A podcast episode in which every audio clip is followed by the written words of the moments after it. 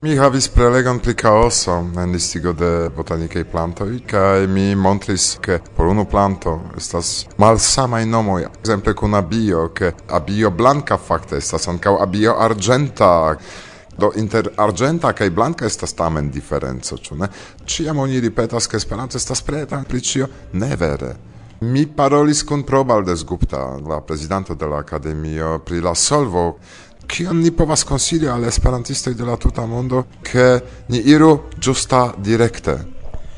Finfine, ĉu ne tio kiom vi ĵus diris estas tiel komplika, estas amaso da diversaj respondoj, sed unu tuja respondo kiun vi povas doni estas tio ke problemo ĉe esperantistoj estas ke pro tio ke temas pri dua lingvo ili lernas sufician esperanton por elturniĝi kaj ili ne daŭrigas char ili ne bezonas tiun daurigon. Fin fine, if mi, se mi conversazias cun vi, mi ne bezonas amasson da vortoi, mi povas tion fari tutte bone, cae do mi ne lernas pri abioi, ni diru. Ali flanke, ca tu esas mia dua respondo, ca mi has ec trian, sed ali flanke, en mia propra lingvo mi ne pos distingi inter arboi, ca la homoi qui capablas distingi inter arboi ne povas interconsenti inter si pri kiel nome ilin. Do, mi opinias che se tio suferigas vin, mi bedauras tion, sed aliflanke tiu ne estas signo de malfortezzo de la lingvo. Tria respondo, mi estas membro de la Academio, do mi vidas de proxime kiel gi laboras. Kai la Academio existas, essence kiel fairo brigado Do, se hazarde ocasas incendio, gi povas tamen sendi sian camionon cae solvi tium problemon. Cae la nozio de probal cae la aliai academianoi cun aquotuboi estas tute bela nozio. Sed oni ne pos attendi de la academio che gi ia maniere igu la ordinare in esperantisto in agi lau definita maniera. Tio ne neam ocasos. En la academia existas suffice forta divido inter tiui homoi qui opinias che Oni devas esti precisa en sia uso de la lingvo, cae che la lingvo ne shangigiu tro rapide, che oni usu fundamentain vortoin, cae tiel plu, do oficialain vortoin, zamenhofain vortoin. Mi facte trovigas ce la alia alo en tiu afero. Mi opinias che la lingvo povas relative libere antaŭeniri entute ĉu ne cresci, cae che problemoi de distividoi facte ne egestas.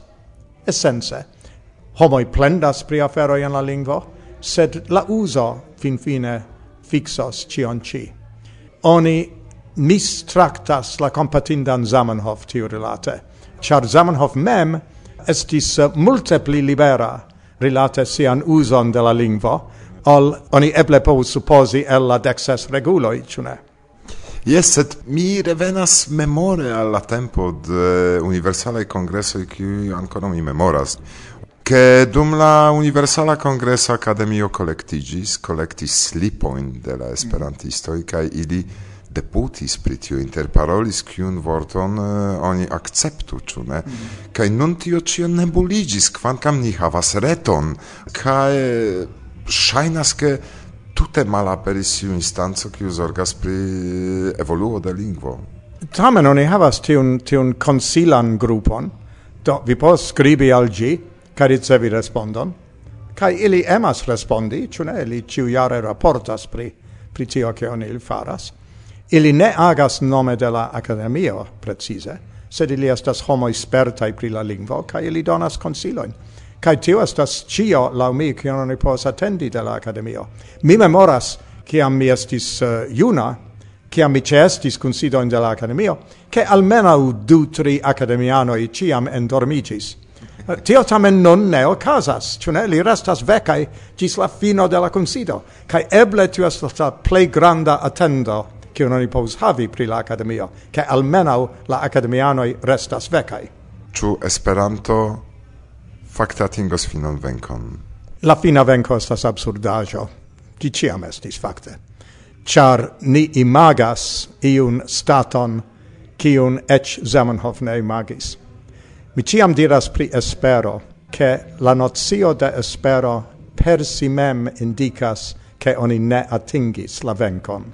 Do oni esperas, cia tiu ci mondo estas ne perfecta mi volas che Esperanto fariciu pli forta, mi volas che nia comunumo fariciu pli granda, mi volas che la homoi consciiciu pri la problemo de lingva discriminatio, de mistracto de homoi pro lingvae cialoi, sed mi ne antavidas che subite la homoi farigios sen pecai, cae perfecte usos correlativoin, cae venos pazzo en la mondo. Tion mi ne attendas mi yes attendas che ni daurigu nian laboron, se ni volas credi alla fina venco bone, sed gi tamen ne venos precise. Au ne tui, char tamen eh, evoluo de la civilizo postulos la egalain reitoin. char comencigis tiu proceso samai raito inter viro kai virino, do videble che tio ne perfekte funkcias, ĉu ne? Tamen ira santauen iam oni tute ne interesigis pri ekologio, pri eh, tero, pri multaj aliaj aferoj, nuntempe kreiĝas movadoj kiuj vere eh, apogas tion subtenas. Do okazas sio, ke tiu globaligo ankaŭ pere de interreto unu igas la mondon fakte Finfine homoj vekiĝos, ke ili bezonos iun lingvon, kiu estas neutrala por ĉiuj, ke ĉiuj havas samajn rajtojn, do Esperanto certe estos bona ekzemplo tiam, ĉu? No, estas ĉiam bone paroli kun optimisto, speciale kiam tiu optimisto plendas pri la necapablo de la homoj distingi unu arbon de alia. Sed mi ne, op, mi ne apartenas entute al tiu, uh, tiu vidpunkto. Mhm. Yes, mi vidas progreson mult rilate, exemple, pri tiu aferoi, pri kiu vi, vi mm-hmm. parolis, mm -hmm. sed pri alia aferoi uh, eh, ni ne pensas suffice seriose pri la raitoi de la individuo, pri creo de socio, kiu estas mal pli milita au militema, ol tio che oni havas non tempe. Fakte, en la nuna tempo, se oni rigardas la politikon, oni vidas absolute mal progreson en la lasai quelca jaroi. Kai estas ankaŭ tio ĉu ne ke UEA ekzemple jam en 1947 do antaŭ la akcepto de la Universala declaratio de Homaj Rajtoj ĝi enscribis en sian statuton respecton al la homaj rajtoj. Mi demandas min ĉu hodiaŭ oni respektas la homajn rajtojn pli multe ol oni faris tiam. Ĉu ne estis tiu momento de optimismo post la dua mondmilito, kiu rapide malaperis. Estis de nove periodo de optimismo en la naudeca iaroi, cae tio non malaperas. La homoi citie in Pollando, kiui memoras la periodon antau 1990, farigas ciam malpli. Do, la granda problema ce la homoi estas che ili tiel rapide forgesas. Bedaurinde. Esda mi ec ridis che el comunismo ni eniras non tempe fascismon, ne rimarcante che facte ni spertis jam diktaturon che tiu diktaturo denove povas intuŝi kaj suferigi la popolon, ĉu? Do, vi havas okazon diri ion al homo en la mondo nuntempe. Nu, mia mesaĝo estas simple tio, ke la mondo bezonas nin esperantistojn, ĉu ne? Ili bezonas nian spiriton de optimismo, ili bezonas nian curagion, uh, eh, eh, la mondo bezonas entute la energion de la esperantistoi. Kai se temas pri la esperantistoi, uh, eh, indus che de tempo al tempo ili pensu iom pli perspektive eble, kai clopodu trovi solvoin de la internai problemoi cium ili havas. Sed la positiva afero estas che che pli da homoi hodiau comensas lerni Esperanton ol iam ajn en la historio. Estas certe hodiau pli da de Esperanto en la mondo vivai ol ciam ajn estis. Kai ia maniere ni devas uh, organizi kai direkti kai kuragigi tiun novan junan movadon. Mi estas tre optimista pri la estonteco de Esperanto, sed che ni conqueros la mondon, tio estas alia demando. Tio mondo rifusas esti conquerata. Eble tio esas et positivo, che la homoi estas individuoi. Vi raitas saluti ion se vi desiras. Do, mi salutas, mi salutas la tutan esperantistaron. Estis plezuro rencontigi con vi, Conan dankon. Dankon anco al vi. Al rev Neimagebla revo. Al fort. Por chagreno el ten. Al brul. Pro la febro ricevo. Al voi.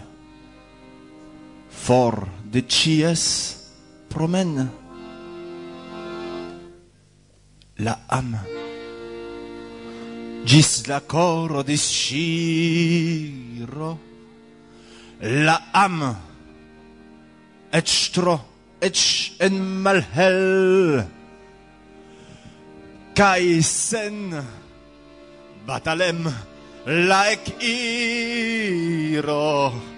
Gis la netrafebla vivstel ien mia strel Segvi la stelon, kia ain estu scianzo, kia ain estu temp, hau males per trans, cae luctadi ciam, sen demanne cripos damnisin, por vort oro delam. Dubas mi, ciu mi stos virtuos, sed encor regus pats cae la plazzon inundus hel blu. Char mi malfeliciul brulas plu Gvancam iam consumit. Brulas plu et troec en malhel. Por la celle mi pretas gis displit por la cel la netrafe blastel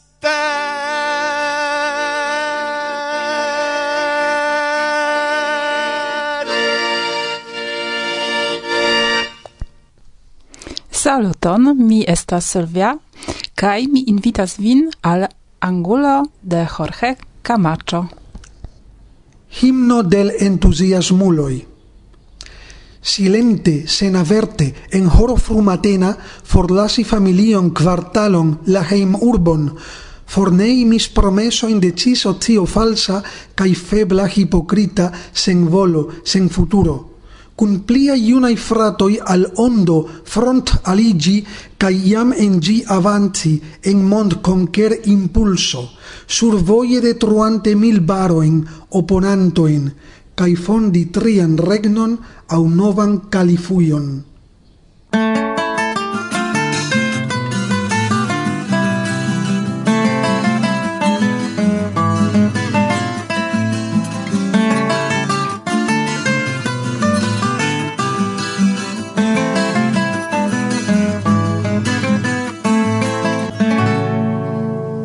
varsovia vento. Bla bla bla la 33 arcones en eh, Poznań kaj antaŭ mikrofono de Varsovia Vento la chef organizanto de Arcones.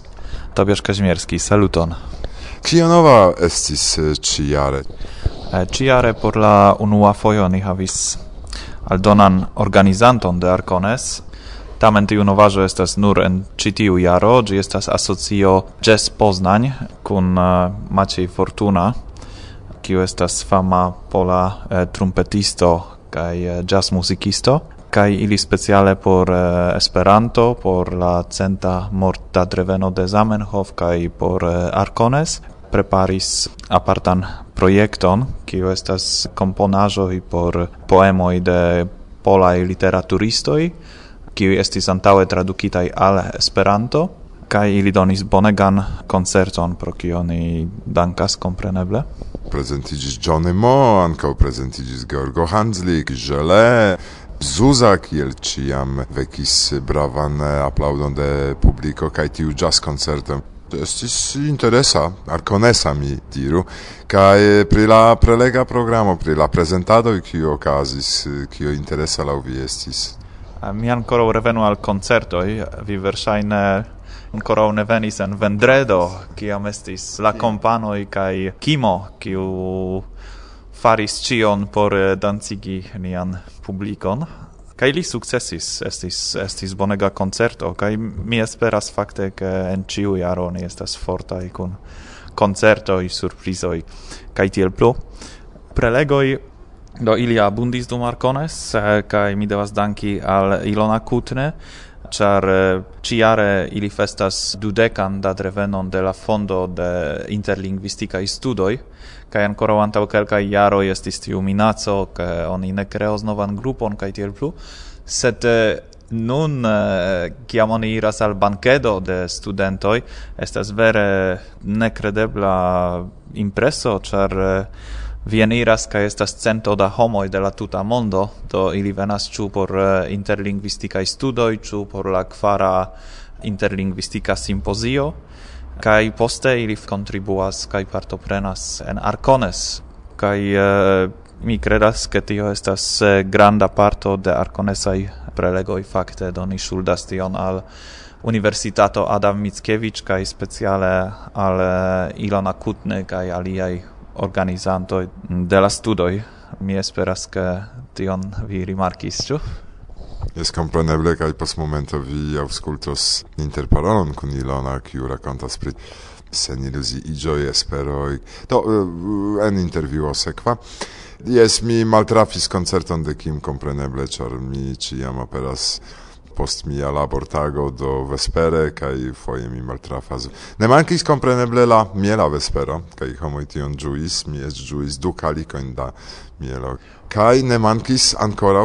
No estis uh, plurai prelegantoi mi ne volas elstarigi unuopajn prelegoin, char eh, estus eh, eble netro gentile, cromet vi povas trovi ciuin prelegoin en nia retpagio kai baldaŭ vi povos eh, el shuti la alconesan brosuron tio estas jam tradicia eldonaĵo, kion ni preparas por ĉiuj aliĝintoj, kiuj eh, alveninte ricevas eh, kai la programon kaj priskribojn de ĉiuj el pasoi kai tio multe helpas al partoprenantoj mi esperas. Krome, mi devas confessi che mi partoprenis uh, neniun prelegon dum Arcones, uh, kiel kutime, uh, do des pli mi ne curagias uh, diri pli... Do, organizantoj ofte maltrafas la programajn aferojn, ĉar ili havas aliajn zorgojn. Ĉu kontenta? Ĉar mi memoras, kiam vi ne estis ĝis fino kontenta, kaj tio ne sukcesis, aŭ tio estis problemo. Finiĝis ĵus Arcones. Do, Sabato estis iom capdoloriga eh, por mi, espereble ne por aliai homoi. Compreneble estis iui mancoi, misoi, technicai problemoi, cae tiel plu, sed ili solvigis de si mem, cae la son sistemon, bonegan son sistemon, ni shuldas al asocio GES Poznań, kiu kunportis plenan buseton de siai equipajoi, inter alie grandegan... Uh, ekranon por projekcii bildoin, kio estas eble dudek kvadrataj metroj aŭ aŭ iotia kaj krome ili kunportis propran akustikiston, kiu asistis ankaŭ eh, niajn muzikistojn en sabato, do tion ni certe ne sukcesus fari. Mem, sed eh, yes en la fino estis sukcesa, kaj eh, mi estas aparte feliĉa, ĉar lastai monatoi kai semainoi estis por mi ege lacigai ne pro Arcones sed pro mia translocigio el Rotterdamo kai por Arcones restis malmulta tempo. Uh, sed uh, en la fino ni ciu tage considis kun uh, Paweł Janowczyk kai... uh, arrangis cion eh, gis fino ankaŭ kun eh, homoi kiui uh, organize helpas al Arcones exemple Sebastian kiu creis tion belegan brosuron, kai... Yes, do mi mi joyas, mi mi diras yes en ordo. Se vi neniam partoprenis arcones, vidu la filmon, kiu estas ĉe retejo de Varsovia Vento post aŭskulto de ĉi raporto. Koran dankon Tobias kaj ni iru paki la aranĝon. dankon, bla bla bla. Ĉu rajtas mi puni la genajbaroj de iu, kiu mokis kun la kuzo de mi? Ĉu bone se mi antaŭrebatus, se ŝatus mi montri la pacon de ti?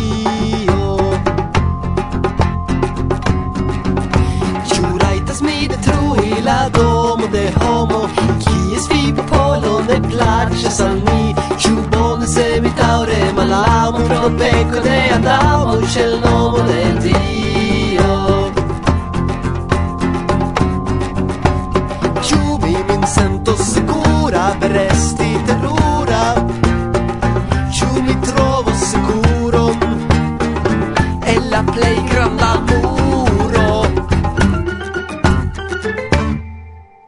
Ciu estas revenĝo mortigi de cope de tiu kiu eĉ ne aŭdis pri ni. Ĉu povas milita aviadilo milesti la iloj plej taŭga por Dio. Ciu mi min sento sicura per esti terura. Ciu mi trovo sekuron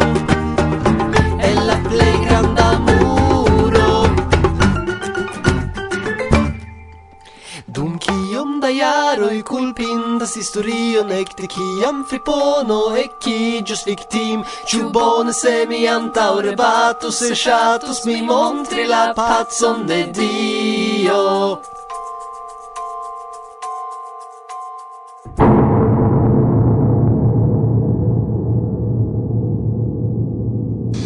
La estro de la interlingvistica studo en Poznano ĉe Universitato de Adam Mickiewicz. Ilona Kutnis, saluton. Saluton al vi kaj al la aŭskultantoj. Kiel vi fartas post ĵus fininta sesio? Iom lace, sed tamen ankoraŭ iom liberiĝinta de la urĝaj taskoj kaj ĝojanta la atmosferon de Arcones. Fakte mi devas iel fiere anonci al ciui che eh, ni atingis dudec iarigion de la interlingvisticae studoi, tiui ciui ne sius la interlingvisticae studoi, estas postdiplomae studoi la Universitato Adam Mickiewicz en Poznanio, eh, kai li dauras tri jaroin, kun unu foia alveno dum ciu eh, semestro, kai tiu intensa semaino nia interlingvisticae sesioi, eh, ciam estas lacigai, sed ancau iel gioigai kai por la instruistoi kai por la partoperantoi. Nun ni eh, comensis eh, novan grupon, tio estas jam la sepa grupo, kiu comensas siajn triarajn studojn. eh, partoprenis eh, dudek homoj el dek du landoj kai kio estas interesa, ĉar ĉiu eh, grupo havas iun interesan flankon, ke nun la unuan fojon alvenis homoj el Azio. Ni havas partoprenanton el Koreio, Ĉinio, kompreneble ni havas ankaŭ el Brazilo, ĉar ŝajne brazilanoj donas iun kernon al la studoj dum la lastaj jaroj quasau nia Europo maliunigius, elcerpigius, mancas energio, cae eh, aliai forai landoi, ciu ne ni bezonas freshan energion. Sed estas anca parto penanto el Usono, kai el Francio, do eh, la gruppo estas internacia cio estas tre tre grava en tiui ci studoi, char donas eblezoin por lingvai comparoi, kai pri culturai comparoi che estas eh, por nia Esperanto ĉu ne kio estas eh, bona interkultura komunikilo tre grava vi ne lacigis pro dodec jaroj de laboro ĉi tie? Verdire mi iom lacigis kaj mi amplendis ĉu ne ke eble venus la tempo ke mi havu iun sekretarion inon ĉemane por ke la aferoj iĝu pli bone organizitaj, ĉu ne? Mi ne povas ĉion mem fari, kvankam mi multe devas fari por tio, ke ĉio iru uh, glate. Ne rigardu ĉarme min, ĉar mi estas okupita pri aliaj aferoj, kompreneble, sed pli da studentoj estas ol pasintjare, ĉu? Do vidu en la antaŭa grupo, dudek ses eh, gestudentoj komencis siajn studojn kaj pro tio estis rekorda. Mi devas ankaŭ diri, ke nun dum tiu ĉi semajno ne nur la novaj studoj startis, sed ankaŭ la malnovaj finis siajn studojn. Tio signifas, ke tiu sesa grupo, kiu estis rekorde plej granda grupo, ankaŭ ĉe la fino restis eh, rekorde granda, do el tiuj dudek ses homoj dek tri finas siajn studoin en tiu ci septembro kai eh, tio estas granda afero ke duono de la gruppo persiste eltenas tri jarojn plenumas eh, la postulojn ĉar li devas ne nur veni ci tien kaj fakte partopeni un interesan semainon kun multa informoi kai eh, amuziĝoj vespere sed ankaŭ li devas labori heime kai pretigi finlaboraĵojn eh, ekzameniĝi ĉu ne regule cae dectri homo el poste. Tio gioigas min, mi devas diri. Estas homoi qui auscultas tion kaj kaj komencas pensi ele mi venu ci tien kaj eh, provo la studadon.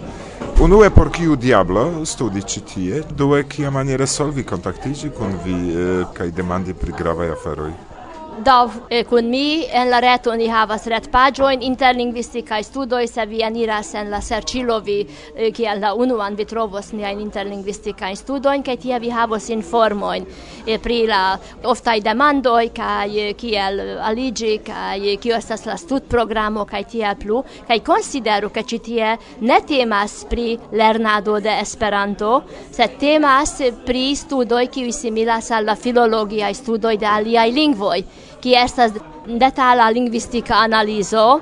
kaj multaj esperantistoj ne havas tiujn bazoin Estas stranga kontrasto, ke esperantisto eh, aŭ kiu komencas lerni Esperanton eh, tre rapide jam volas ion fari per la lingvo. Esperanto fakte per sia strukturo, ĉu ne, donas eh, tiun senton, ke mi povas ion fari en Esperanto, krei, kritiki, transformi, klarigi, ĉu ne?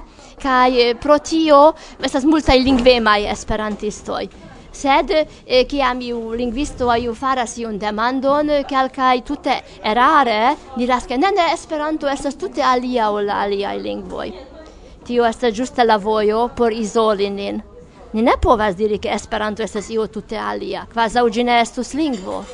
Ni devas simple montri en kiu senso Esperanto havas la samajn bazojn kiel la aliaj lingvoj, sed ĝi estas homa lingvo funkcias same kiel la aliaj lingvoj kaj en la sama kadro montri en kiu senso ĝi estas malsama en kiu senso ĝi estas eble pli produktiva pli uh, facila kai kaj tiel plu Do nur tiel ni povus vere havi un interparolon kun la aliaj. Ne tiel, ke mi trovis la solvon de la bona lingvo, ĉu ne kaj se vi tion ne rekonas, eh, no vi estas aĉa homo. Ne, Ĉu vi deziras ion aldoni ankoraŭ? Do mi fakte volas menci la kvaran interlingvistikan simpozion, pri kio mi ankoraŭ ne parolis, ĉiun trian jaron, kiam ni finas la malnovajn studojn kaj komencas novajn, ni havas du tagojn por la simpozio.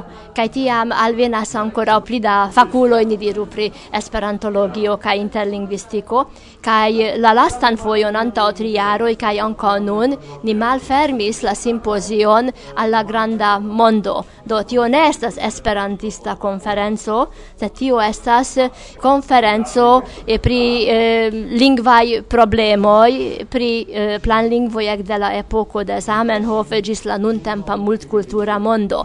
Kaj la oficialaj lingvoj estas krom Esperanto ankaŭ la angla kaj pola. Kaj efektive ni sukcesis eh, akiri partoprenantojn, eh, kiuj ne estas esperantistoj, sed okupiĝas eh, pri tiaj problemoj kaj tiel ili havis la eblecon vidi che esperantistoi existas kaj anko en tiu scienza nivelo esperantistoi ion faras. Anko ni havis ion tre bone sukcesintan bankedon jaude kiam eh, krom eh, la eh, estarigo de niaj kontribuantoj kaj studentoj kaj tiel plu ĉu ne? Ni havis ankaŭ muzikan programon kaj tiuj homoj kiuj krome venis ne? Esperantistoj povis sperti. Mi mencias nian vicdekanon kiu venis, ĉu ne? Mi invitis lin por partopreni la malfermon kaj ankaŭ la bankedon kaj li restis ĝis la fino. Tio kutime neniam okazas. Dekano, rektoro, direktoro ĉu ne venas, salutas kaj foriras. Kaj simple li kaptiĝis ĉe tiu etoso kaj tion li diris, ke iun tian etoson ĉe kutima konferenco li ne vidis. Kara Ilona, koran dankon kaj dankon ankaŭ nome de Esperantujo, ke vi subtenas nian kulturon tiamaniere. Koran dankon, Ludvig. Dankon mi fakte tion provas fari ekde tridek jaroj. Mi dediĉis tridek jarojn de mia universitata kariero al Esperanto, dek jarojn ankoraŭ en Budapeŝto ĉe la Esperanto-fako de Jutvesz-Loran Universitato kaj dudek jarojn ĉi tie. Dankon por la aŭskultantoj.